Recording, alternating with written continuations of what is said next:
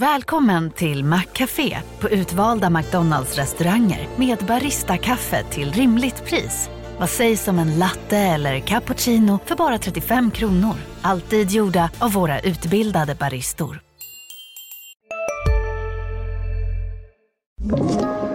Podplay.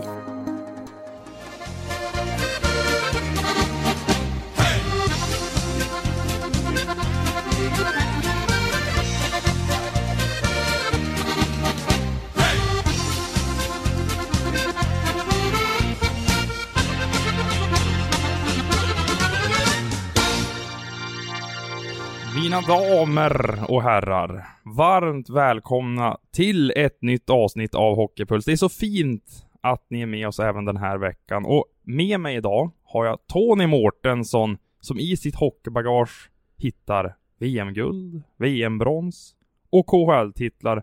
Och nu sitter han här vid min poddmick. Varmt välkommen Tony. Tack så jättemycket. Och jag kan ju tycka att du har smyget lite under radarn här när du klivit in på en ledarposition i Almtuna efter din aktiva spelarkarriär. Känslan är att inte allt för många har uppmärksammat det. Tycker jag i alla fall. Eh, nej, jag var arbetslös i 4-5 månader innan jag fick en konkret förfrågan från Almtuna och eh, jag var med som assisterande sportchef, jag är även med på isen lite då och då, både i A-laget och på hockeygymnasiet. Eh, jag trivs väldigt bra i den rollen jag fått. Och hur kommer det sig att du valde att fortsätta i hockeyns bana? Dels så älskar jag hockey. Eh, jag älskade att träna när jag spelade. Eh, jag gillar atmosfären i omklädningsrummet. Eh, och det är ju det här jag kan bäst också. Jag vill känna att jag ville testa ett år om det här var någonting för mig. Jag har även scoutat en hel del spelare som har slagit väl ut så något litet öga för det här verkar jag ha. Vilka diamanter i Almtunas trupp har du varit med och hjälpt ta till klubben? Den som sticker ut är väl Jesper Norbäck eh, som ja, jag tycker är en fantastisk ho hockeyspelare som har tagit väldiga kliv i år och eh, som kommer spela i SHL minst någon dag här framöver.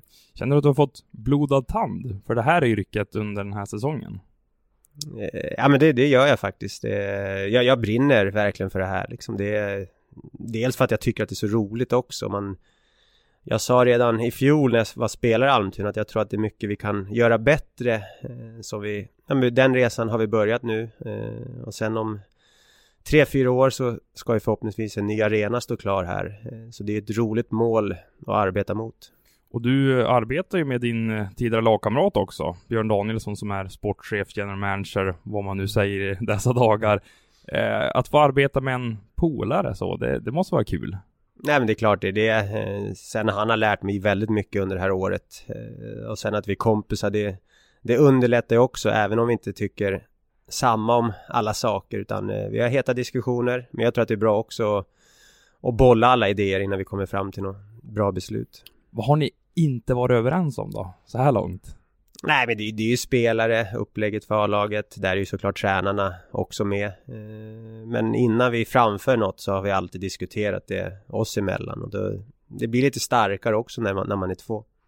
Din egen ambition som assisterande sportchef eller i den här rollen, eh, ser du dig själv fortsätta med det här och kanske ta klivet upp som huvudansvarig och kanske i en SHL-klubb också framgent? Nu är det ju väldigt nytt fortfarande så nu, nu är jag väldigt nöjd där jag är. Eh, men det är klart man... Alltså jag vill vinna eh, och då vill man ju också vara... Alltså ta, ta kliv i den här rollen. Så det, det är klart, någonstans drömmer jag väl att ha ett SHL-lag eh, eller i Europa eller varför inte KL. Ja, du känner att du gärna skulle vilja flytta tillbaka? Nej, alltså det är ingenting jag, jag, känner så, men om jag känner mig själv rätt så kommer jag känna så okay. framöver att... Eh, nej, men jag, jag, vill framåt, så var jag när jag spelade också. Det, jag, jag, tror att det är så jag kommer känna här längre fram också, att jag vill ta, ta kliv. Och sen om det blir i Almtuna eller någon annanstans, det, det återstår att se. Hur mycket skulle det locka att inta en position hos LOC som man får väl ändå säga att det är klubben i ditt hjärta här hemma i Sverige? Jo, det är, det är klart det är eh, det är tufft att se vad, vad som har hänt med LHC sista åren eh, resultatmässigt. Eh, det var ju där min karriär tog fart. Jag bodde där i 7-8 år. Eh, så det är klart det är... Eh, eh ja men det, det, LHC betyder väldigt mycket. Nu tassar du runt gröten. Jag svarar inte riktigt på min fråga. Skulle du vilja jobba för dem på något sätt? Ja men det är klart det hade varit kul, det är det. Eh, sen, sen tror jag personligen att LOC skulle behöva någon liksom utifrån. Det har rekryterats mycket inom leden liksom. Jag tror att det är bra nu när de har kört fast lite och få någon som kommer utifrån med, med andra idéer och tankar. Någon som alltså inte har LHC-bakgrund överhuvudtaget? För du är väl ändå lite utifrån? Du bor ju inte i stan till exempel och har ju ganska många år utomlands så att... Nej, jag, jag, jag tänkte mest på någon som kommer helt utifrån med egna tankar och idéer. Har eh, de hört av sig någon gång? Nej, jag, alltså jag känner Niklas Persson väl och vi, vi surrar. Eh, han har också alltså, lärt mig mycket i den här rollen liksom. Eh, men eh, jag har inte fått någon förfrågan att jobba där. Nej. Det är ju många i din generation nu som är sportchefer runt om i SHL. Eh, har ni någon kontakt? Ni tidigare spelare som nu vandrat vidare till ledarpositioner? Nej men det är klart man stöter på varandra. Jag har ju spelat både med Jocke Eriksson i Djurgården och Thomas Johansson i Leksand, Niklas Persson. Eh, så, så det är ju en del men det verkar bli så att gamla spelare tar klivet upp till sportchefer, rätt eller fel, men det är, en, det är lättare att vandra den vägen än att ta in någon som inte håller på med hockey. Jag tycker vi, vi stannar kvar lite vid LHC ändå. Eh, som du säger, det är en tuff tabellposition de har just nu. Eh, kanske tuffaste läget någonsin i elitserien i SHL-historien sedan de gick upp 2001. Vad är din förklaring när du ser på laget utifrån här? Till att det har gått som det har gått? Eh, nej, men de verkar ju inte ha fått ihop eh, alltså jag vet inte, gruppen. Jag tycker de har spelat stressigt redan från start. Eh, redan i fjol tycker jag att man såg tendenser att det var på väg åt, åt fel håll. Eh, sen liksom i efterhand, de har bytt tränare. Det har inte gett, blivit någon skillnad resultatmässigt.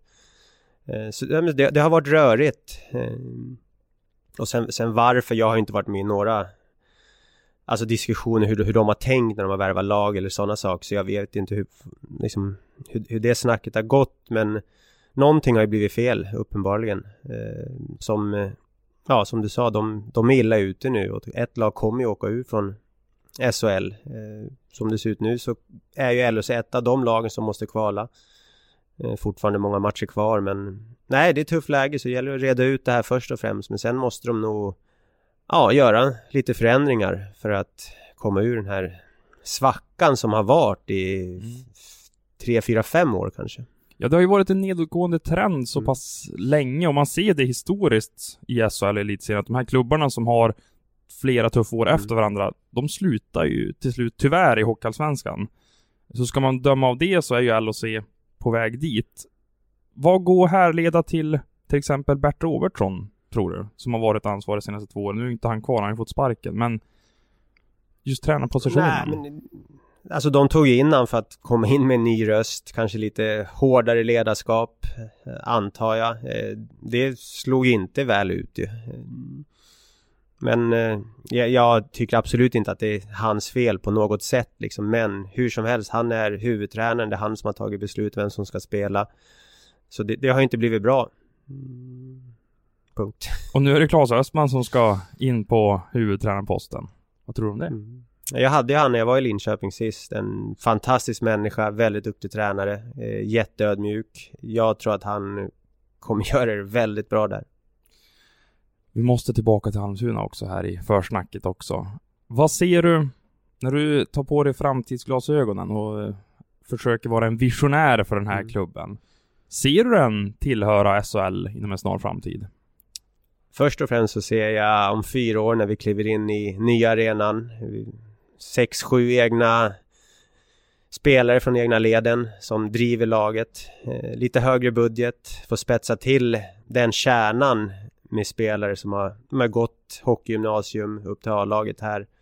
Då tror jag att vi kan vara redo att utmana på allvar. Eh, fram till dess, det är ju en krokig väg liksom med ekonomi och allt sånt men vi försöker trolla med små medel eh, och gör det hyfsat bra.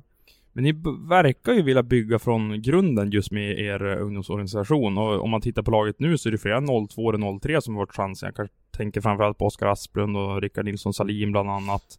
Är det en medveten strategi att ni ska vara självförsörjande på något vis? Nej, precis. Eh, det är så eh, nej, men jag och Björne tänker och styrelsen såklart att vi vill ha jättebra ungdomsverksamhet. Vi har fantastiskt duktiga ungdomsledare och bygga spelarna där att ja, när de är redo för A-lagshockey då, då ska de få chansen.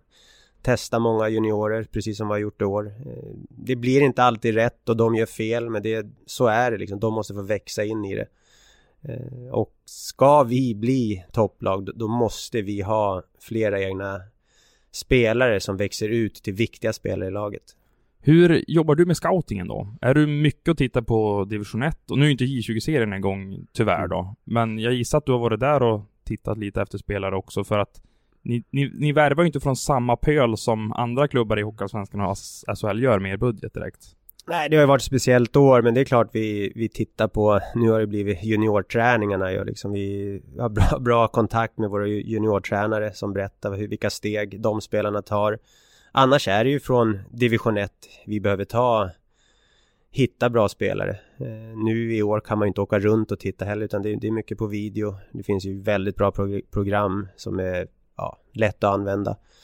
Eh, vi har även lyft in flera spelare från division 1 under året. Pelle Edlund och nu på slutet Viktor Andersson, Sebbe Höglund och Johan Eriksson som nej, har gjort det väldigt bra. Så det är egentligen det ni försöker att hitta juvelerna i division 1 och sen förädla dem här i Hockeyallsvenskan då? Exakt så.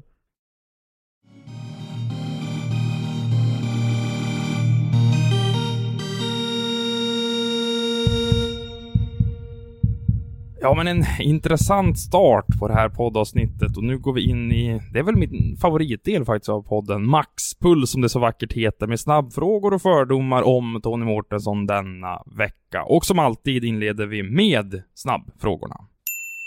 Bästa spelaren du delat omklädningsrum med? Eh, Patrik Thoresen. En okänd talang? Bra på paddel. Ditt sämsta respektive bästa köp? Köpt alldeles för dyra klockor. Mm -hmm. eh, bästa köp i mitt hus i Sigtuna. Snyggt. Jag, jag måste säga att du klarar det här nästan på rekordtid. det, det inte lyssnarna vet ju att vanligtvis brukar mina gäster behöva ganska lång betänktid för att svara på det här och då klipper ju Kim, eh, poddredaktören. Men du svarar här på vad kan det vara, en, två sekunder på varje del. Så att imponerande Tony. Tack. Eh, frågan är om eh, det kommer gå lika bra nu när vi Mm. vandrar in i fördomarna här. Du har och hade järnkoll på var du låg i poängligan, var ditt lag placerade sig i tabellen och exakt på öret hur mycket pengar som landade in på kontot varje månad. Ja, Det, det stämmer. det stämmer rätt så bra. Du känns som en noggrann person. Är, det, är jag rätt ute då? Nej men du är, du är helt rätt ute. Jag gillar ordning och reda. Eh, Jag var som, som spelare, jag är så som människa också. Eh, Jag tycker att det är lättare då också när man har bra koll. Hur kommer det sig då, tror du? Nej, jag var uppfostrad av en mamma som eh, var väldigt, ja men du vet, la fram kläderna till mig när man skulle till skolan och det var ordning och reda hemma. Så det måste väl komma därifrån. Skulle du säga att du är pedant? Eh, Lite åt det hållet, men eh, ja, kanske. Av alla dina personliga noteringar, vad skulle du säga att du är mest stolt över? Eh, nej, men då jag fick ju guldhjälmen ett år i LHC. Det är det är som spelarna röstar. Det var ju väldigt stort såklart. Eh, om man tittar de som hade fått det efter, de som har fått det före så är det ju ja, men fantastiska hockeyspelare. Och få vara en av dem, det är någonting som jag verkligen är stolt över nu när man har lagt av. Ja, säsongen 2007-2008 med LHC. Du har ju ett rekord där också som är svårslaget med flest assist i grundserie och slutspel. Jag vet inte om du har koll på det här, men det kanske du har med tanke på att du vet om dina siffror. Ja, 65 assist. Det är så sanslöst bra. Skulle du säga att du var på toppen då, i alla fall på svenska rinkar sett? Ja, så var det. Jag spelade i en kedja där eh, ja, det, var, det var så jäkla roligt varje dag på träning och på match. Vi hade jätteskön jargong liksom i kedjan. Musse Håkansson och, och Weinhandel där pushade varandra. Så, och det var ett år där liksom ingenting kunde stoppa oss, kändes det. Eh, sen förlorade vi ändå finalen sen, så det var ju någonting som kunde stoppa oss till slut, men det var ett Nej men det är det året där allting gick ju rätt ju, verkligen. Förutom att vi vann och det är en slutändan det som var det viktigaste men Ja, och det känns inte bara som att du var på toppen då, utan LOC som organisation under de åren 2007, mm. 2008, båda gångerna i final. Först förlust mot Modo, sedan HV71. Känns som att ni var lite närmare 2008, eller ni borde kanske ha tagit det då, mm. sett till vilket lag ni hade. Varför nådde ni inte hela vägen fram? Nej, först och främst, du, precis som du säger, hela staden Linköping, det, alltså det, det var så häftigt att spela då. Det var, det var fullt av varje match. Alla Alltså när man gick på stan så var det, det var ju hur mycket folk som helst som ville prata hockey under hela det året, eller åren egentligen. Eh, och sen, ja, vi gick till final. Första året var, vi var nöjda att gå till final då mot Modo. Eh, ja, vi ville inte vinna tillräckligt mycket, hur konstigt det än låter, men året efter då det kanske berodde, för, förlåt jag avbryter, men det kanske berodde på att ni hade haft en ganska turbulent säsong. Gunnar Persson fick lämna, Janne Karlsson tog över och sen har ni väl 11 raka matcher när ni vinner och tar lite slutspel. Så att ni hamnade väl in på någon slags bananskal i slutspelet, så ni var väl kanske bara nöjda att vara där på något vis? Ja, men det, det, var lite så liksom, så vann vi kvarten, semin och så bara, ja, shit vad bra vi är i final, men ja. sen, ja, då gick det inte alls. Året efter hade vi ett annat mindset, eh, ja, också bra i slutspel till finalen. Sen möter vi ett HV71 som spelar alltså fantastisk hockey. Eh, deras första femma målvakt. Det var... Ja, vi förlorade mot ett lag som var lite bättre och hade lite, lite mer tur också. Det var några märkliga domslut där som tyvärr gick emot oss. Och då, Va, vad minns du främst då? då? Ja, men det var någon straffsituation. Eh, de kastade någon klubba där som vi hade fått straff i, jag tror att det var match fyra eller match fem. Fick inte det. Ja, de gör mål istället. Och det som svider mest är att båda de här finalerna har vi förlorat på hemmaplan. Ja. Liksom. Det, ja, man vill ju bara försvinna från... Fullsatt arena som tryck där också. Ja, det var... Nej, det, det är någonting som man alltid kommer bära med sig tyvärr. Liksom. Handlar det lite om att HV71 toppspelare, och då tänker jag kanske på Johan Davidsson och Stefan mm. Liv, de prickade verkligen formen precis vid rätt läge mm. och höjde sig till en finalnivå om man kan säga så. Nej men så var det. De, de var ju bättre än våra toppspelare, än mig och Vainan i finalen till slut. Eh, men det är liksom, jag grämer ju att, alltså jag gjorde allt, eh, ändå allt jag kunde i finalen. Och sen om man förlorar mot en bättre motståndare så är det ibland. Jag, jag kan inte känna att vi skulle ha gjort någonting annorlunda. Det, vi gjorde precis allt vi kunde år två. Eh, men ja, det räckte inte. Kan du ligga sömnlös ibland och tänka att ah, varför har jag inte den där guldmedaljen i mitt troféskåp? Ja, men som jag sa innan, jag har ju en guldhjälm hemma som mm. jag brukar se ibland. Eh, men varje gång jag ser den, då tänker jag att jag hade bytt den alla dagar i veckan mot ett SM-guld. Du har fått frågan, ska du inte spela på paddeltouren? den har jag inte fått, du men inte, den, den kanske kommer. Ja men nu pratade vi lite inför här, mm. vilket var ironiskt med tanke på att de här fördomarna mm. skisserade ner igår kväll. Eh, och då sa du att ja, men du spelar rätt mycket paddel och det är så du håller i form. Och jag kan ju bara se mig med tanke på speldosan du mm. var ute på isen, att du kan dirigera på mm. paddelbanan också och vinkla ner och skära mm. och... Det känns som att du är väldigt duktig på paddel. Jag har rätt så bra touch faktiskt. Ja. Hur skulle du säga att du eh, för dig där ute om du ska beskriva din egen spelstil? Nej men jag hållit mig hyfsad bra form. Eh, så jag orkar, orkar springa mycket också. Eh, spela mycket på känsla. Sen tycker jag det är en fantastiskt rolig sport som så många andra också. Det är perfekt vardagsmotion. Så Tony Mårtensson, hockeyspelaren, går lite vid paddelspelaren Tony Mårtensson en del då, eller? Går lite hand i hand. Ja. Och så får vi se om du kanske börjar klättra på paddeltouren om du ska in där någon gång framöver här. När du idag scoutar spelare till Almtuna, försöker du hitta killar som liknar dig till spelstilen eftersom att du anser att den typen är kraftigt underrepresenterad i svensk ishockey idag? Ja, det är nästan helt korrekt. Okej. Okay. Nej, men det är det. Jag... Alltså man gillar ju hockeyspelare som har bra spelsinne. Eh, jag tycker har man det så kan man jobba upp det andra också. Eh, man behöver inte vara perfekt tränad om man kommer till Almtuna. Det kan vi också hjälpa till med om man kommer hit.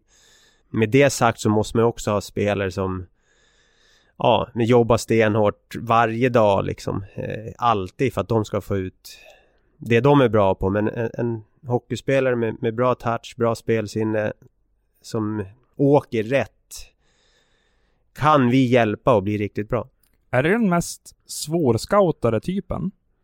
Eh, nej men det, det, finns otroligt många duktiga hockeyspelare i division 1. Eh, det har jag ju lärt mig nu sista ett och ett halvt åren när man har tittat. Sen gäller det att de spelarna måste också vara beredda att jobba hårdare för att bli bra. Eh, bara för att man har bra spelsinne och liksom bra händer så är inte det per automatik att du blir en duktig hockeyspelare högre upp i serien. Utan man måste också göra det andra jobbet. Men jag tycker att har man det så har man ju alla förutsättningar för att bli en riktigt duktig hockeyspelare. Men i slutändan, ni kan ge miljön och skapa förutsättningar, men i slutändan så är det ju individen själv som ska ta beslutet hur bra man vill bli. Är det lite så jag ska tolka det? Precis så jag ja, tänker. Eh, vi vill ta hit spelarna för att vi har sett någonting, men när de väl är här så måste de ju pusha sig själva, kanske bli bättre med kosten, sömnen, träna lite hårdare och vilja någonstans. Då tycker jag att som en Norbäck är ju en jättebra exempel där liksom. Han, han, kommer till oss, har allting men har jobbat stenhårt varje dag liksom och vill Ja nu har han kontrakt nästa år men han, han vill ju någonstans högre upp i seriesystemet liksom och då Han har de förutsättningarna. Jag kanske är fel på det här men Jag tänker att du inte förlitar dig på så många andra under din karriär utan du gick ofta till dig själv på något sätt och okej, vad kan jag bli bättre på? Hur ska jag utvecklas som hockeyspelare? Nej men så var det. Jag, jag tror många kan uppfatta när jag spelade som man var rätt loj liksom. För jag visade inte mycket känslor men inombords så brann jag för varje dag liksom. Jag, jag var ofta först på hallen. Eh, nej men kanske sist därifrån. Jag, jag, jag gillade att träna. Eh, liksom så, ja, jag, jag tycker själv, jag, jag gjorde nästan allt jag kunde för att få en så bra karriär som möjligt. Och jag tror att mina lyssnare, och jag inklusive här, saknar Tony Mårtensson för att den typen som jag nämner här i fördomen finns ju inte riktigt. De som hela tiden premierade passningen före skottet på något vis. Hur blev du byggd på det viset? Är det den svenska skolan eller är det någonting som du bara, nej jag gillar att lägga flippmackor för att skjuta? Nej, men jag hade väldigt duktiga ungdomstränare när jag var R73 och sen Arlanda som... Då var det, man skulle passa den som var fri eh, istället för att åka med pucken. Jag trodde det var någonting som jag var väldigt duktig på att... Ja men jag passade den, åkte, fick tillbaka den. En tvåvägsspelare helt enkelt. Eh, idag är det ju mycket att man ska med dribbla själv ju liksom bära pucken över hela banan liksom. Jag blev lärd att är någon framför mig då passar jag han och så åker jag i fatten och får tillbaka den i så fall. Eh, och det, ja, det, det, tog jag med mig. Jag hade tur att ha, ha haft tränare som liksom jag, jag, fick misslyckas också under med ungdomsåren framför allt. Jag kom upp i A-laget i, i Arlanda, där jag hade Roger Melin. Eh, och det är lite dit jag vill komma med våra juniorer. Att ja, men de kommer upp, de kommer göra misstag. Så är det liksom. Vi, det är inga färdiga spelare men Gör misstag, lär dig. Gör mindre misstag, bli bättre. Om du får välja scenario här. Lägga en perfekt avvägd flippmacka som landar på tejpen där din lagkamrat gör mål. Eller att själv stå för en soloprestation där du kanske drar målvakten, sätter upp den i nättaket. Nej, jag, jag, jag tycker att det är bättre att slå en fin pass. ja, det är så. Det är även nu när jag tittar på alla matcher. Är det någon som slår en bra pass, det är, ja men det värmer ju lite extra, så är det Och det är så läckert också när man ser en spel. Det är inte så ofta nu för tiden, men den här hisspassningen mm. som Conny Strömberg faktiskt lärde mig en mm. gång i tiden hur man lägger dem. Att den går väldigt högt snabbt, men sen dalar den väldigt mm. direkt. Hur äh, lägger man en sån passning? Ska du förklara det lite tekniskt här för våra lyssnare? Nej, men man, man smeker pucken. Eh, och en av mina idoler eh, när jag kom upp, det var ju Fredrik Bremberg som han heter nu, då kallad Linkan. Han hade ju fantastiska flippass. Eh, liksom jag kunde sitta och kolla på han eh, och liksom, ja men sådana pass vill jag ha liksom. Jag, du studerade jag, hans spel? Ja, jag, jag var inte lika bra på dem men nästan i alla fall. Men han hade ju, han gjorde ju sina medspelare bättre med sina passningar liksom och det någonstans där jag som spelare också att ja, jag ville förse mina lagkamrater med bra pass så de gjorde mål liksom. Det finns inget du spenderat mer pengar på än hästar? Jo, bilar i så Okej, okay. det finns ett bilintresse där alltså? Nej, egentligen inte, men jag har... eh, Ja, när jag var i Ryssland så köpte jag lite för dyra bilar ett par gånger som de har sålt nu. Vad är det för eh, märke på dem då? Och hur många blev det? Ja, jag har haft ett par Ferraris och någon R8. Okej, Audi R8. Ja. Det, det är inte billiga bilar du. Nej, de var, de var dy- dyrare än hästarna. Ganska dyra i kostnad också kan jag tänka månadsvis. Ja, det var... Nej, det var också en, en dröm jag hade när jag var liten att om jag någon gång skulle ha råd så ville jag ha en Ferrari. Det, så då, när jag hade råd så köpte jag en sån. Men du har sålt av dem? En De har jag sålt av. Okej. Eh, äger du någon häst nu? Jag äger en häst som står hos Ray och Liljendal. Just det. Och det där är någonting som har följt med dig ganska länge va? Travintresset? Ja, i, i 20-25 år. Eh, jag har haft, varit med på några riktigt bra hästar, några sämre. Men det är en, en rolig hobby som jag delar med min fru. Har du någon vinst så här som wow, det där var mycket pengar? Jag har vunnit över en miljon på V75 ett par gånger, ja. Ett par gånger till och med? Mm. Oj. Hur gör man det då?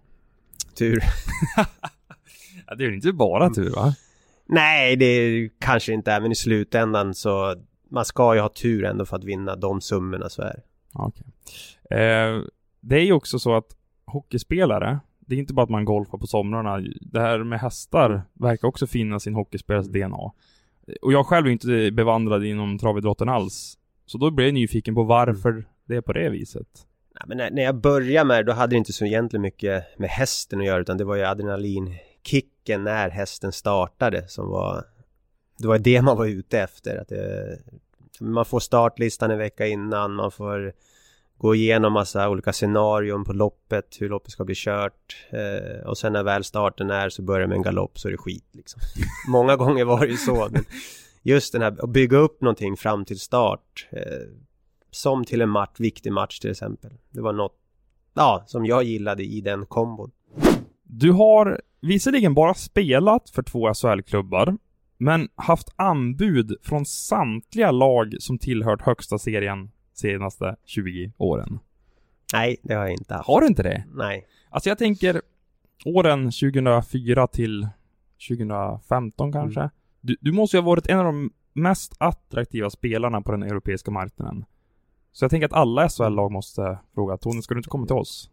Eh, dels så hade jag ju långa kontrakt i Linköping. Eh, ja, först ett tvåårsavtal, sen fyra år. Sen åkte jag ju till Ryssland men kom tillbaka och skrev nytt treårsavtal. Sen tillbaka till Ryssland. Så det... eh, Ja, jag och agenten kom ju aldrig in i någon diskussion om att lämna Linköping. Eh, och det, det hade jag verkligen inte gjort heller. Jag hade jättebra lön där, jag trivdes fantastiskt bra. Så det, Nej, just då fanns det inga pengar för mig som skulle göra att jag skulle lämna till en annan SHL-klubb. Fanns det, fanns det någon klubb som du skulle ha velat spela för?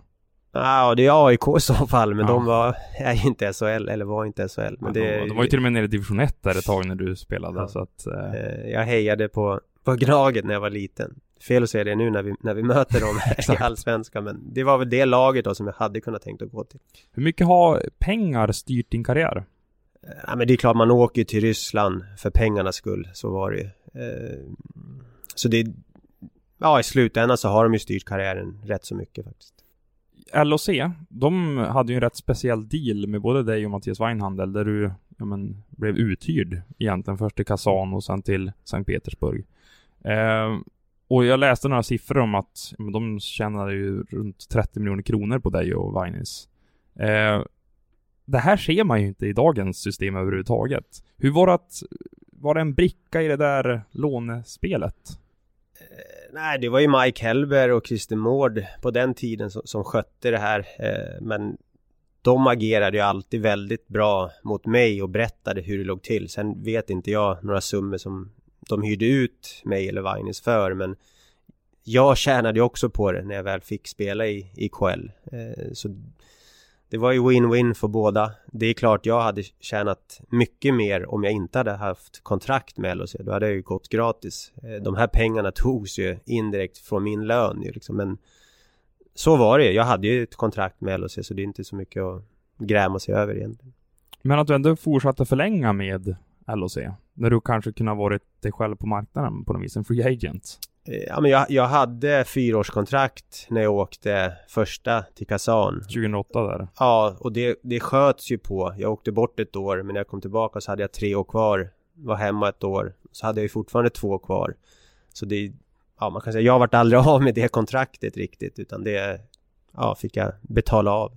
Ja men 2012, när du köper ut dig från kontraktet med LHC som då sträckte sig till 2015. mm. Eh, det har ju rapporterats flera siffror och nu har det ju gått så pass lång Mm. tid så jag ville bara fråga dig vad som egentligen stämmer och inte. För Expressen skrev att det var runt 10 miljoner du behövde betala ur egen ficka. Korren skrev 67 miljoner. Vad, vad blev det i slutändan? Ja men någonstans däremellan Om jag minns rätt eh, Som Och det var ju egentligen att Jag köpte ju ut mig under ett par års tid liksom att Ja men jag hade två kvar Jag fick betala Ja pengar till LHC i två år För att bli fri det kontraktet eftersom jag inte spelade LHC Och då fick du mer pengar från din KL-klubb Sankt Petersburg eller hur löste sig det? Nej det, det fick jag ta från min lön Okej.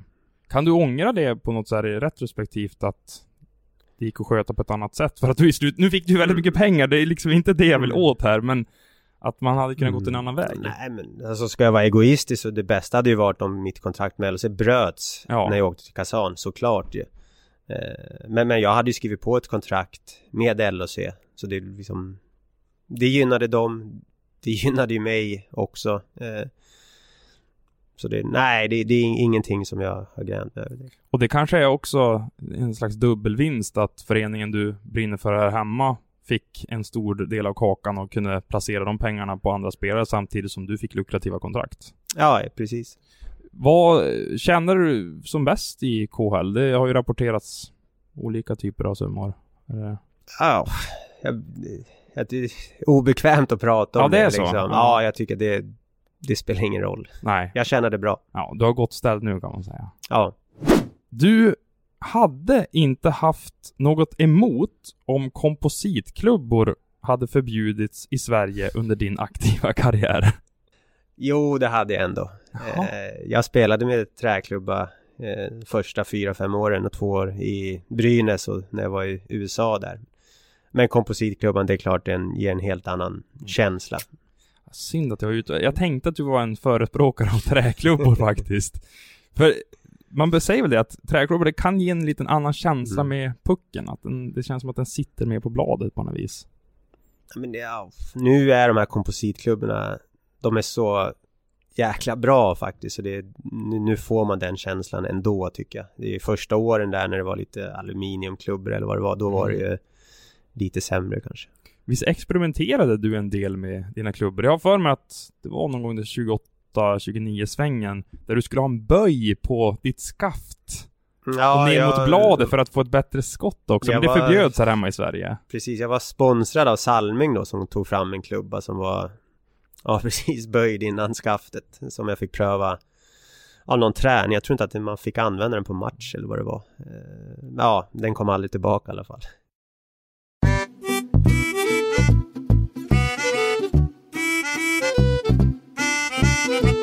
Ja, men vi trummar på här i avsnittet med Tony Mårtensson och är nu framme vid faktarutan där vi alltid startar med smeknamn. Ja, Marty hade jag när jag var i USA Twister, Rister sa någon också när jag var där borta eh, Nej, Tonkan sa de när jag var i Ryssland Tonkan? Ja, Okej, var det ryssarna som myntade det? det eller? var ryssarna Men det är inget sådär som eh, har funnits med hela vägen, det är det inte Du, du har ju två år i USA. 2002 eh, till 2004. Det är ju för att du draftas av Anaheim i sjunde rundan. Eh, nu blir det mest AHL-spel i Cincinnati, där du är faktiskt poängkung båda säsongerna. Eh, men hur var det egentligen att flytta relativt tidigt ändå, få den erfarenheten, men aldrig återvända till Nordamerika? Eh, Jag hade precis skrivit på nytt tvåårsavtal med Brynäs. Eh, Så fick, då var det deadline 15 juli. Eh, 14 juli så hörde agenten av sig och sa ja men du har fått ett avtal från Anaheim. Jag förstod att det skulle bli spel i farmarligan såklart men eh, Ja, två år. Eh, Du måste svara inom 10 timmar. Och det var så pass? Ja, så det var ju precis Så, bra framförhållning det Nej, eh, och det, såklart jag var 21 år eller precis fyllt 22 tror jag. Eh, det var ett sjukt stort steg att flytta till, till USA helt själv. Eh, men jag har alltid varit så, även om jag är försiktig kanske som person så gillar jag ändå utmaningar. Och jag såg det här som ett, men utmana mig själv. Eh, men utveckla, se nya platser. Och för min hockeykarriär tror jag det här var det absolut bästa som kunde hända. Men åka över dit, där är det inget, på den tiden i alla fall var det inget gull-gull med spelarna utan det var, det var stenhårt liksom. Eh, Babcock var huvudtränare i Anaheim också. Mm. Eh, så, så det var, var... Har du också valt att bli egen?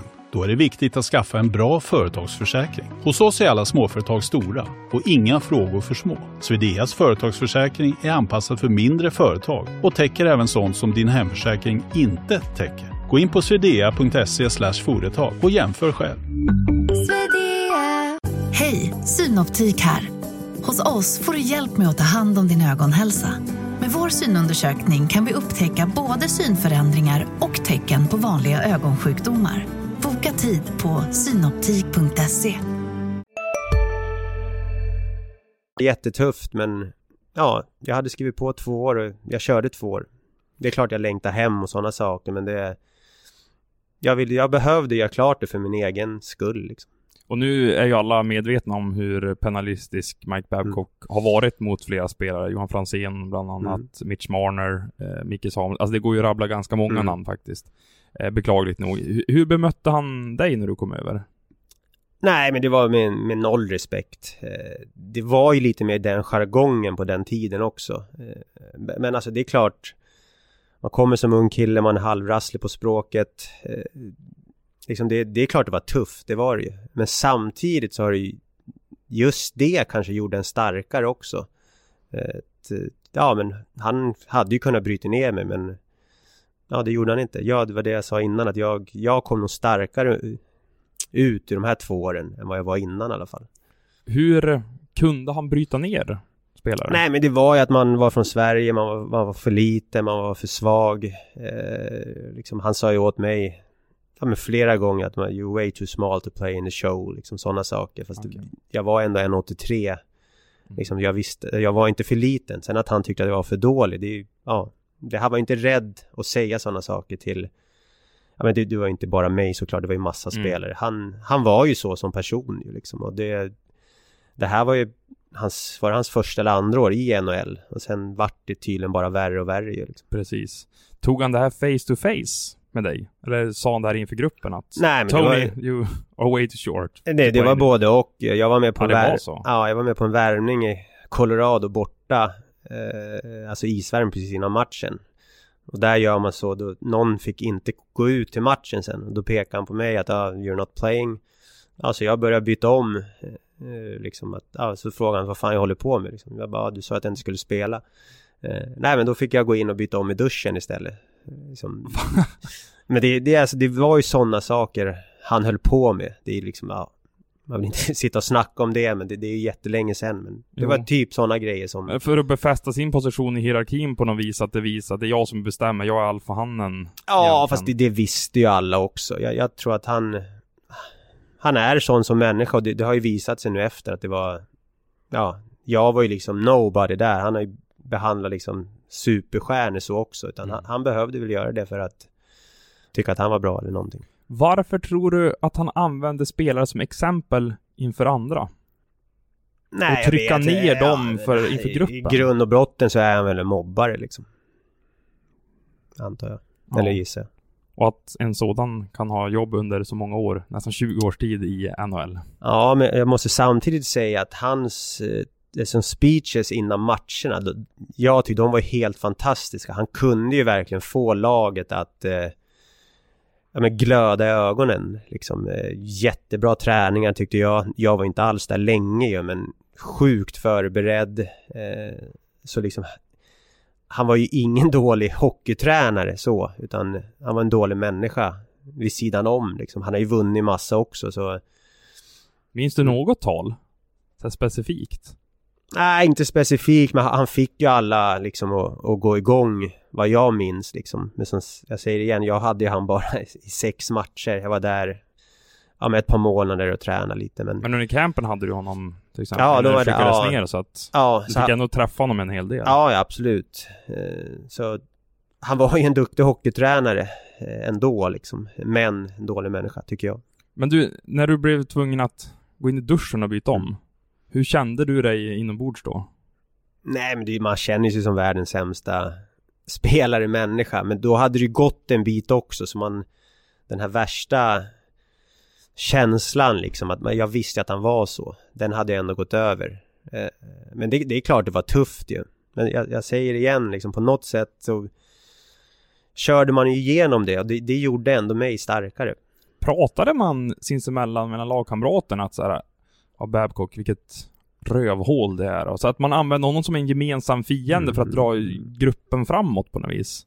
Jag var ju med alldeles för kort tid så det var inga diskussioner som jag hörde. Men det, det tror jag verkligen att, att de gjorde. Och sen han gick till Detroit och vidare liksom. Ålder? 40 nu. Mäktiga 40.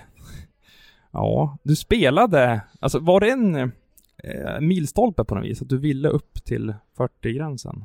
Nu låg du ju, ja precis Mm. när du fyllde Ja. 40 där också, du fyllde tidigt på sommaren. Eh, inte milstolpe men jag hade gjort 20 år på ja, den högsta nivån nästan då. Eh, under, ja, under hela tiden. Eh, och jag kände mig liksom klar. Jag hade klarat mig från allvarliga skador. Jag har två småbarn hemma. En fru som jobbar också. Eh, så jag, jag kände att den tiden som krävdes för att lägga ner för att vara elitspelare hade jag inte motivation att göra. Fordon?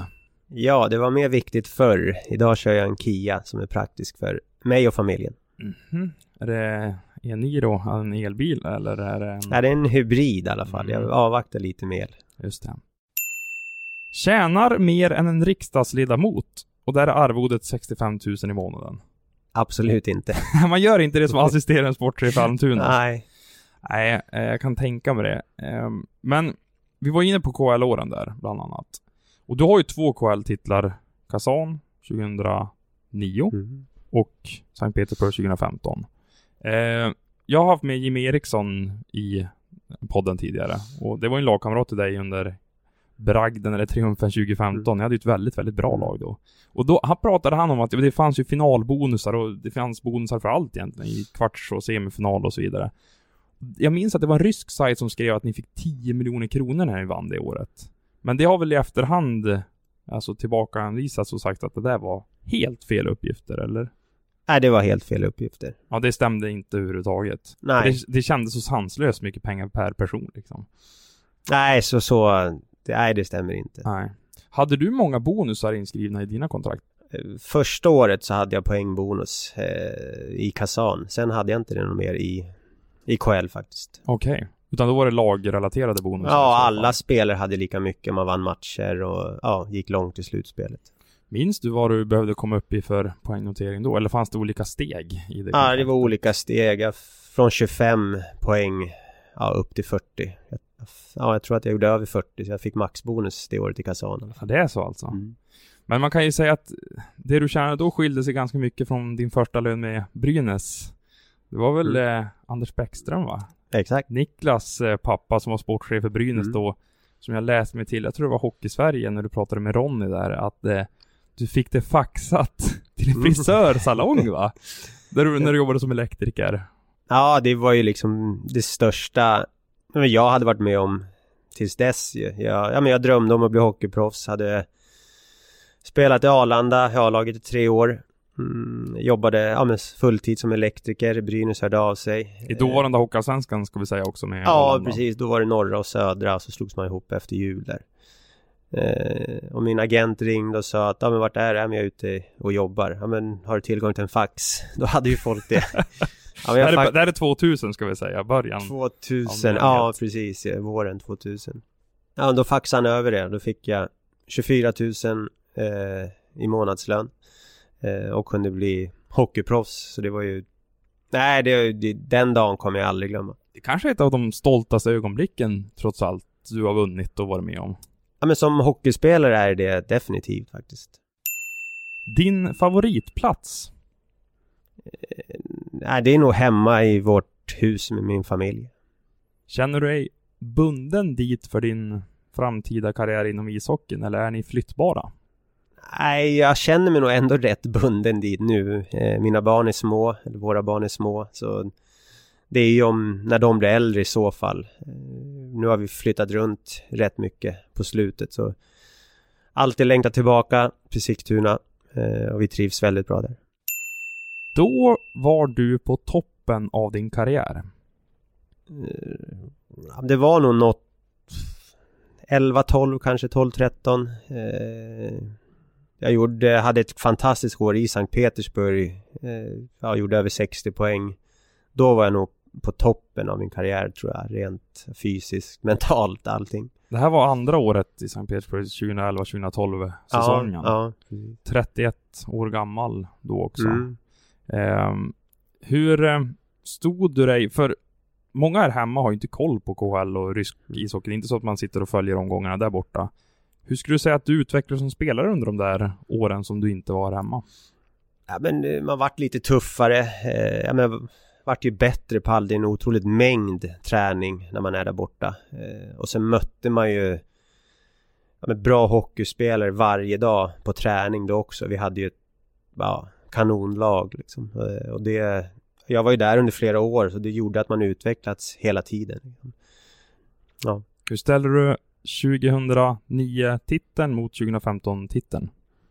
Eh, 2009 var så jäkla skön för då hade jag förlorat två raka finaler med LHC. Eh, åker över till Kazan. Vi går till final, det blir match sju mot Jaroslav. Eh, och då, då, då tänker man ju innan att fan förlorar när du har förlorat tre raka finaler liksom. Det, det hade varit tufft. Då hade du lagt av. Nej men det är... När man vann där liksom då...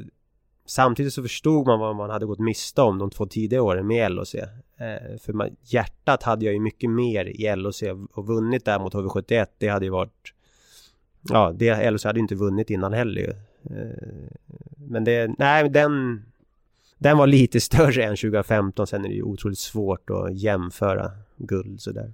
Men 2015-laget med Petersburg, det måste väl eh, anses vara ett av de bästa lagen utanför NHL. Kanske att ni till och med hade kunnat konkurrera till världens bästa hockey när man tittar på namnen. Du spelar med Tore Mm. Sanchez-Venka till exempel, men ni har ju Kowalczyk, Panarin, det finns ju, ja, Jim Eriksson är ju där som en riktigt Ja. bra tvåvägscenter också, så att ni hade ju en enorm stjärnlista över det laget. Ja, jag, jag tror att det laget måste vara det bästa som har spelat i KL. Någonsin. Ja, Bästa fram du har tillhört också alltså. Ja, överlägset. Som du, de namn du räknar upp ju liksom Dadonov, Chipachov, vi hade Just. flera backar. Boborovski var i målet ha. Ja. Så det var... Nej, det var ju... Då var vi faktiskt ostoppbara. Liksom. Hur nära var det att du vände tillbaka till NHL någon gång? Det, det, var, det var aldrig riktigt nära. Jag hade kontrakt. Ja, men först ett tvåårsavtal, sen ett treårsavtal med Sankt Petersburg. Eh, så det var aldrig liksom att det var riktigt nära, det var det inte. Jag hade ja, en del kontakt med scouter och sånt liksom som... Ja, jag fick frågan men det, det, det var aldrig så att jag verkligen kände att nu, nu åker jag. jag. Jag trivdes bra, jag tjänade bra. Ja, det var en jättebra stad. Eh, Ändå nära hem, det var lätt för familj och vänner att komma och hälsa på. Det låg aldrig något kontrakt på bordet ifrån någon NHL-organisation? Nej, inte, nej, inte direkt. Din landslagskarriär sträcker sig ju väl under väldigt många år. Du har ju VM-guldet 2006 och även två brons i eh, troféskåpet. Mm. Ehm, det där guldet 2006, hur högt håller du det? Du kanske inte var en vital del av det laget, för det var ju ganska många från NHL som kom eh, Mm. hem då och spelade också efter OS-bragden i Turin. Eh, men kan du berätta lite om de eh, triumferna? Det var ju mitt första VM. Eh, Vi åkte dit. Jag tror faktiskt att det var Expressen som skrev att det här var, Det var min arbetsgivare, det här var det sämsta svenska laget som åkt på ett VM. Eh, För det var väl bara spelare från SHL när vi väl åkte. Eh, Men fick en skön med harmoni i laget. Sen kom det ju spelare från alla men Detroit-ligan, Micke Nylander, Holmqvist. Eh, vi hade en ja, fantastisk målvakt. Eh, ja, och lyckades gå hela vägen. Såklart, det var det, är ju- alltså det är svårt att ta in, jag spelade inte så mycket men man fick ändå vara med och vinna ett VM-guld och det var otroligt häftigt att komma hem till till Sverige och mottagandet vi fick. Liksom, man hade ju varit där själv när tidigare lag hade vunnit och så nu få stå där liksom. Men det är klart, det hade varit roligare att vinna det senare när man hade betytt mer för laget. Så är det ju liksom. Man kände sig inte så delaktig även fast ja, jag spelade alla matcher och det var ju skralt med istid. Men bra erfarenhet. Den som är delaktig i bronsen, ska vi säga. Och du har ju totalt fem VM-turneringar också. Det är inte alls mm. många spelare där ute som har spelat så många VM-mästerskap. Det måste du vara stolt över. Jo, det är jag framförallt att ofta så åkte vi med spelare från SHL. Det kom ju några spelare, eh, gick ju alltid längre än kvarten, var alltid uträknade. Eh, så det, ja men vi gjorde det jäkligt bra. Eh, Bengt-Åke som var förbundskapten fyra år tror jag i alla fall jag var med. Eller om det var alla fem kanske förresten. Eh, och vi, ja, vi gick till semi som sämst. Av tränarna du haft, nu nämnde du Bengt-Åke mm. Gustafsson där, men kan tänka mig att Slava Bykov var en profil att ha på mm. tränarbänken under ditt år i, eller dina år i Sankt Petersburg när han var där. Um, hur uh, upplevde du honom? Jimmy Eriksson berättade att det var en person som man kanske inte förstod så mycket av, men han var ganska duktig på att skälla ut den. Ja, men han, han ser ju stenhård ut när han är på bänken ja. men jag tyckte han var jä jäkligt skön gubbe liksom. Gick runt i omklädningsrummet, eh, leende på läpparna. Eh, men det var en människa man hade otrolig respekt för. Liksom. När han sa någonting, då lyssnade man. Eh, och han, han, fick ju laget, trots alla stjärnor han hade, så fick han ju laget att dra åt samma håll. Eh, det var ju hans styrka. Han har ju vunnit ja, KL-guld och VM-guld också, liksom som tränare. Eh, en, en stor människa som eh, väldigt stor respekt för. Du, hur firar ryssarna KHL-titlar? Ah, det var ett rejält firande såklart. Eh, det var ju Sankt Petersburgs första guld också, så det var ju stort för för staden eh, och sponsorerna eller de som äger laget hade ju satsat under många år och kunna vara med och betala tillbaka till dem. Man såg hur glada de var också. Det, det var häftigt. Ta oss tillbaka till guldfesterna mm. nu. Nej men vi, det var ju match, var det match 6 i Kazan va, tror jag, eller match 5, vi vann 4-1. Eh, så vi flög hem eh, och det var ju ja, otroligt mycket folk runt flygplatsen. Eh, vi fick ju kortege till ett ställe, Buddha bar, där vi ja, firade hela natten. Så det var, det var, det var full rulle ett par dagar. Det finns ju några spelare som varit långvariga i KHL. Eh, jag tänker framförallt på Staffan Kronvall mm. som kapten i Jaroslav under så pass lång tid, lärde sig ryska också. Eh, lite kort, eh, har du lärt dig några ryska fraser? Nej, det är någonting som jag faktiskt skäms över all, alldeles, alldeles för dåligt. Sankt Petersburg är en internationell stad och vi hade ju mycket folk i laget som pratade engelska. Så det, det, det är någonting jag verkligen ångrar idag, att jag inte tog tag i ordentligt. Men man har ju hört vissa skräckhistorier där att man, lönen har uteblivit, att man kanske bott på hemska hotell mm. och du var ju också med i starten av KHL när det kanske inte var så professionellt som det är idag. Eh, har du några så minnen av det gamla KHL? Det kanske inte lika mm. skinande och fina och rena KHL? Jag, jag har ju haft väldigt tur så. Både Kazan och Sankt Petersburg är ju väldigt rika klubbar. Eh, vi spelare behandlades ju otroligt väl. Eh, vi ja, bodde alltid på de bästa hotellen, eh, flög bra. Eh, så det är andra som har varit med om mycket värre saker. Det är klart första året innan allt var, var igång så det är klart det var skit i hotell och sådana saker men ingenting som ja egentligen var konstigt tycker jag ändå. Vad är det värsta du upplevt? Där borta? Nej, det, det värsta som jag upplevde var ju när eh, flygplanet kraschade. Jag var i Ryssland då, eh, skulle spela match. Mm. Eh, 2011? Ja, ja, jag har ju spelat med Liv också. Så det, det var ju det absolut värsta under de åren liksom som man var ju ändå väldigt nära när man var där liksom. Och eh, ja. Blev du rädd för att eh, flyga efter det?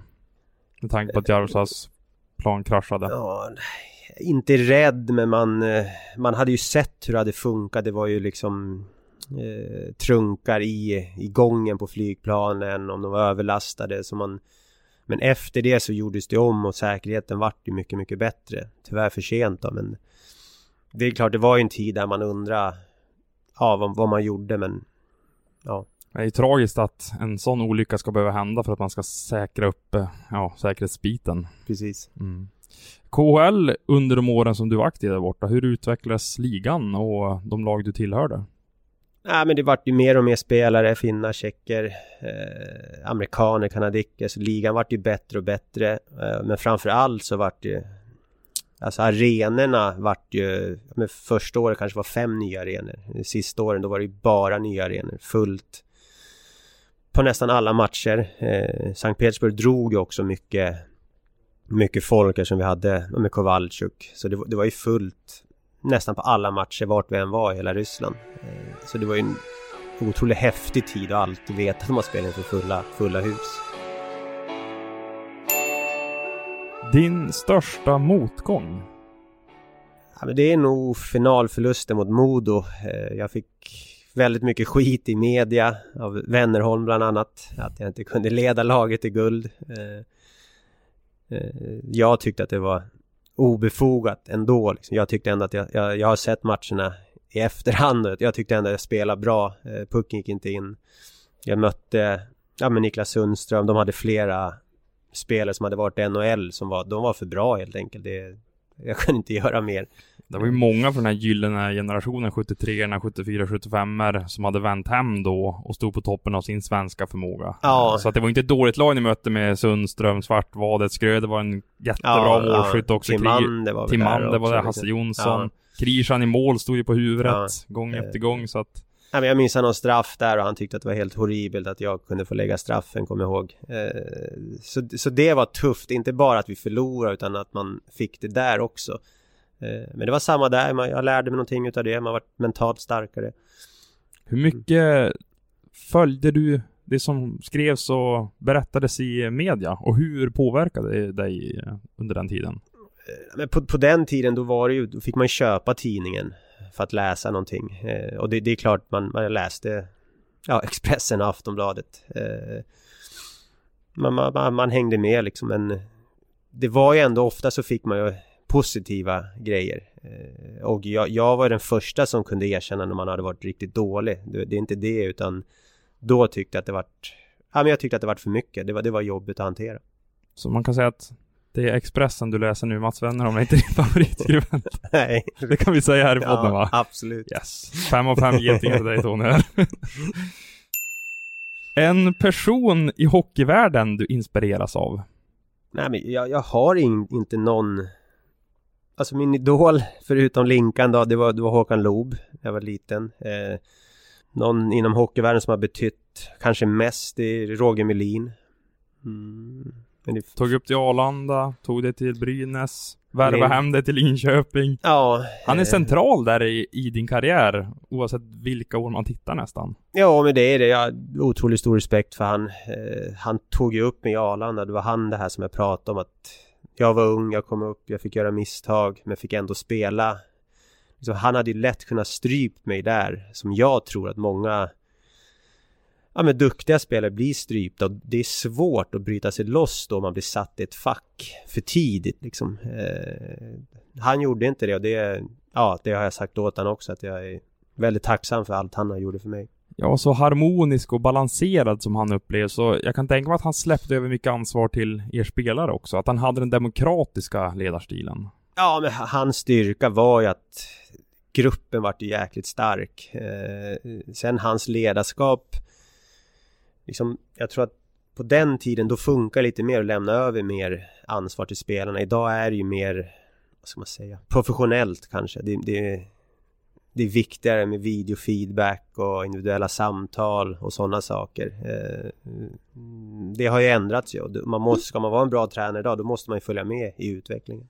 Är det en generationsgrej det? Att dagens unga hockeyspelare hela tiden söker personlig feedback som du är inne på nu, att man behöver någon som styr en i karriären jämfört med kanske din generation, jag tänker 70 och tidiga 80-talister. Ja, jag tror att det är spot on. De, de behöver mer bekräftelse. Eh, ja, ofta liksom att de har gjort en bra match, eh, sådana saker, utan det är och där måste tränarna vara duktiga också och ge det. För annars tror jag inte de här unga spelarna framförallt mår bra heller och då, då presterar de inte. Eh, och det är också en del, ja men i det moderna ledarskapet. Och det kräver ju så mycket mer av dagens hockeytränare kan jag tycka. Och det är väl en anledning till att man ser att ledarstaberna utökas hela tiden för att man ska finnas, till förfogande för så pass många spelare. Ja, precis så är det ju. Nu har ju ja, SHL-lagen har väl fyra tränare plus målvaktstränare. Det, och skillscoacher börjar ja, introduceras nu också som ja. man har sett i NHL under många år. Så att det blir bara fler och fler och fler. Ja. Så har ni i Almtuna råd med några fler? vi, vi har inte råd, vi får jobba med dem vi har. en klubb du inte gillar?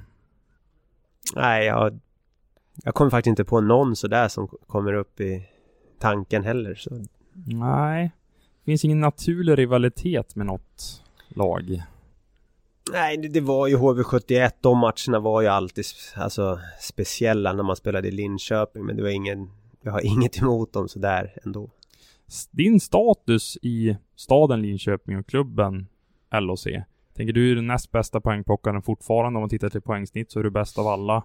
Jag nämnde ditt assistrekord där, 0708. Och jag tror ju att hade du varit kvar i SHL och inte flyttat till Ryssland, då hade du nog kunnat hota Håkan Loos poängrekord. För du var uppe på 67 poäng 0708. Mm. Har du tänkt den tanken någon gång? Nej, men jag vet att det, det året var det ju lite snack om det. Eh, sen tror jag att när jag kom tillbaka från Kazan, då gjorde jag 63 poäng. Men då låg jag bättre till inför slutet. Men det är ju, ja såklart otroligt svårslaget. Men hade jag varit kvar och varit frisk då hade man nog kunnat lägga där uppe någon säsong till liksom och kunnat gjort, ja, närheten av de siffrorna. Ja, hade du gjort fler säsonger i LHC så hade du kanske haft tröjan i taket där också i arenan. Ja, hade vi vunnit så. Ja, det kanske är det som, men Mange mm. Johansson har ju sin tröja där uppe, han har inte vunnit. Nej, men han, han har ju spelat lite fler matcher lite fler också. matcher, men jag, för att man ska hänga där och inte vara därifrån då, då tycker jag själv att då ska man vinna. Nu är det ju här en väldigt hypotetisk fråga, men äventyren i Ryssland, pengarna du tjänade där, KL-titlarna du vann där. De, och att du blev utlånad. Eh, det gjorde kanske att du gick miste om något SM-guld här på hemmaplan. Nu vet man ju aldrig hur det hade blivit, men jag tänker med tanke på hur starka mm. LHC var under den perioden och att ni hade väldigt många duktiga, skickliga individuella spelare. Har du legat och tänkt den tanken? Det, har jag faktiskt gjort. Eh, alltså, det, alltså, när jag spelade så tänkte jag inte, det är nu efter man har slutat att att man aldrig, när, så länge man spelade så hade jag ändå tanken att jag kanske kommer hem och vinner SM-guld. Så åren gick, det vart färre och färre år kvar på karriären och så nu efter så förstår man ju också att det, det hade betytt så jäkla mycket och vunnit SM-guld. KL-gulden är ju såklart jättestora, VM-guldet, men det, för mig slår det, ja, inte ens i närheten som har vunnit ett SM-guld. Det var väl det som din förhoppning var när du vände hem för säsongen 17-18, mm. men det slutar ju på ett sätt som jag kan tänka mig att du inte hade mm. önskat. Nej. kedjan spelade inte så mm. mycket. Mm. Nej, men egentligen... Nej, det, var ju bara därför egentligen jag valde att spela ett år till i SHL, annars hade jag gått direkt till Almtuna. Eh, jag Just hade det. ju en, ja, en dröm att tänk att få åka dit och vinna liksom. Jag, jag förstod att det var små chanser, men ja, sen vart det som det vart. Eh, jag fick... Jag fick börja att spela rätt mycket men sen hamnade jag efter. Jag pres, eh, producerade inte heller. Eh, och det, det var ju en, en, tuff säsong mentalt framförallt för att det var många som trodde att jag tjänade ja, men så bra där. Det mm. gjorde jag. Jag hade ju pengar för en tredje, fjärde kedja. Mm, just det. Eh, och det var inte därför jag åkte till Linköping för pengarnas skull heller utan Det var för att stå på toppen av svensk hockey Ja, mm. precis. Eh, när man gick på stan och du, ja, det vart så här ja, men du som tjänar så bra, du har bara gjort så här, varför spelar du inte powerplay, bla bla bla liksom. det, det var jobbigt att försvara. Jag har ingenting emot att ta kritik, kritik om, om man men tjänar mycket pengar, för då ska, då ska man ju ha det om man inte levererar. Där sa ju Mike Helber under flera år jag var där att liksom är man bäst betald då ska man vara bäst också. Eh, och det tog, ja, jag vet att jag och flera andra som tjänade bra eller så tog åt oss också att han väljer att betala oss mycket pengar, då ska vi, då ska vi fan vara bäst också. Det var någonting Det jag... blev en drivkraft och inte en press Nej, egentligen. det vart en drivkraft för mig liksom att, eh, ja men jag, jag kände mig liksom gentemot honom också att ja, han motiverar den här lönen på mig, då, då ska jag visa honom att jag, jag förtjänar den också. Eh, och det vart ju jobbigt sista året i Linköping. Jag tjänade bra ändå, men det var inte, jag var inte en av dem pengamässigt som skulle vara bäst heller. Eh. Sen kanske man såg 28-åringen Tony Mårtensson och när du var i dina glansdagar och Mm. kanske inte 38-åringen som hade redan nått sin peak i karriären. Nej, det vart ju så. Eh, Men det, ja, det, det var ändå ett...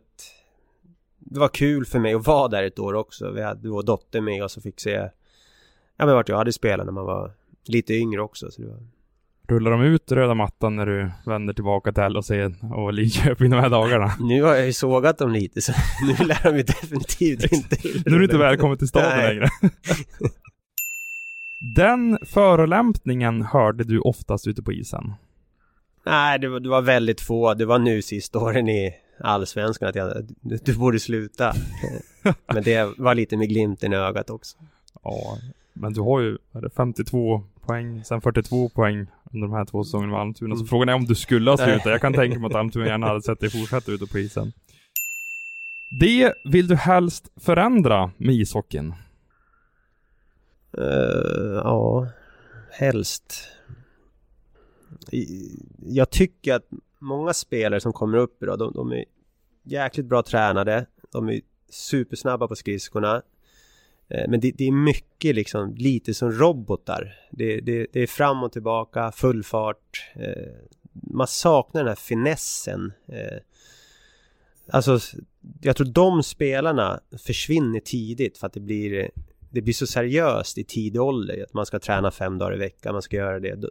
De här som har bra touch, bra händer, spelsinne, de väljer andra idrotter eh, för tidigt. Liksom. Jag, jag tror vi blir av med mycket skickliga spelare för tidigt. Eh, sen hur man ska göra det, men det är inte så kul att kolla på hockey idag, tycker jag. Om jag ska, ja, men gå tillbaka 10-12 år liksom. Mm. Det, det, ja, det, Alla ser likadana ut, lagen har liknande spelfilosofier. ja, Det går i ett på något vis. Det, jag, jag håller med dig till 100%. eh, Det är det som är lite roligt när man kollar på division 1 ju. Att det finns Ja. skickliga spelare. Det, det blir, ja, snygga mål, det är lite öppet. Om någon glömmer en backcheck, ja det så är det liksom. Men här hemma blir du ju synad på ett Mm. helt annat sätt. Men Hockeyettan är liksom, det är hockeyns bakgård men ändå nostalgiskt skimmer över det på något vis. Ja, men det är lite så faktiskt. Eh, Sen förstår jag också, det kommer ju aldrig bli så i SHL. Det är väl om man ska spela fyra mot fyra hela tiden. För när det blir ja, men OT och det blir tre mot tre, det, det är det roligaste som finns att kolla på. Ja. Fram och tillbaka, mycket målchanser. Men, men ja. Sen det vet- kanske är en omöjlig trend att förhindra också att det blir mer specialiserat i yngre åldrar också för att det finns fler hockeygymnasium Mm. till exempel, fler elithockeygymnasium också. Eh, man börjar mm, inrikta sig på en idrott vid kanske 10, 11, 12 års ålder nu. Förut var det kanske 15, 16 när man skulle börja på gymnasiet. Eh, men som du säger, vi förlorar nog ganska många förmågor som hämtar influenser från andra sporter. Fotboll, tennis, Mm. pingis. Som gör att man kanske förbättrar den här tekniken, spelförståelsen som också behövs i ishockeyn Mm. fast på ett annat sätt. Nej, det, det du säger helt precis så som jag tänkt. Eh, och jag, jag tror också att det är många som på vägen försvinner fler idag än vad det gjorde förut. På grund av, ja, precis det du nämnde. Ja, då är frågan hur ska man komma runt Mm. det här problemet? Har du någon lösning eller? Nej, det, det har jag inte. Eh, jag tror att det, det är farligt att börja specialisera sig för, för tidig ålder. Det, men sen förstår jag också att det är svårt att hålla på idag med flera idrotter samtidigt längre upp i åldrarna. För det är ju, ja, är du inte med på hockeyträning får du inte spela match. Så vet jag att det funkar ju. Eh, ja, men, jag menar när Anna var ung då kunde man ju spela fotboll på sommaren, hockey på vintern. Så kunde man blanda lite innebandy och handboll och Ja, du missade några träningar, det gjorde ingenting, du fick vara med ändå. Nu är det ju, ja du missar två träningar, då, då är du borta. Ett lag du gärna hade velat spela för? Nej men då är det ju AIK i så fall. Ja, just för att det är eh, barndomsklubben som du nämnde tidigare. Ja, vi var inne och kollade, ja när de spelade på Globen och på Hovet och när de, när de var bra. Du hade inte kunnat representera dem då när du vände hem här och valde Almtuna Hockeyallsvenskan. AIK fanns ju där då också. Var ju topplag när du väl skrev på för Almtuna Ja, 2018. nej, ja, hade kunnat blivit så. Fanns det erbjudanden? Nej, jag pratade lite med Gossi då, men det, Almtuna Ja, jag passade ser bättre. på det lite här att det fanns någonting, något anbud kanske att förhålla sig till, eller? Nej, inte då när jag skrev på Almtuna. När jag åkte till LHC, då hade jag lite mer kontakt med dem. Just det, för att Mm. vara närmare hem och hade kanske varit en bättre pendlingssituation. Ja, Men då vill du ha SM-guldet som du nämnde exakt. förut. Där är du om tio år. Tio år, då är jag 50. Då är det paddeltouren. Eh, oh. Jag, jag tror ändå att jag är kvar inom hockey. Klubbchef i, i Almtuna och vi spelar i SHL. Det lät ju väldigt bra faktiskt. Framförallt alltså alla som lyssnar och är Almtuna supportrar. eh, innan jag släpper dig och vi tackar för oss. Jag tänkte nämna det här i inledningen. För jag, när jag researchade dig så tyckte jag att det här var så imponerande. Men vi avslutar med det istället. Du har alltså varit över 0,70 i poängsnitt per match under hela din karriär oavsett liga och i landslag. Och, och det är nästan smått ofattbart med tanke på att du spelade på högsta nivå i 20 år. Eh, jag vet inte riktigt om du har något svar på det här. Jag vill bara presentera det för dig och, och säga att jag, jag är mäkta imponerad av det Tony. Nej, det, det visste jag faktiskt inte. Eh, men jag blir glad och, och stolt när du säger det. Ja. Jag tror att vi eh, är redo att eh, säga tack och adjö för den här gången och den här veckan. Det har varit eh, väldigt roligt Tony att få prata med dig här i en dryg timme som det blev. Tack så jättemycket. Mycket jättekul att ha varit med. Mm. Och tack till alla er som har lyssnat på det här avsnittet också. Hockeypuls podcast trummar på för resten av säsongen varje torsdag framöver med nya gästavsnitt. Det här var Tony Mårtenssons episod. Och har ni några tankar eller funderingar då hör ni av er till mig på adam.johansson.mittmedia.se. Nu säger vi tack och hej!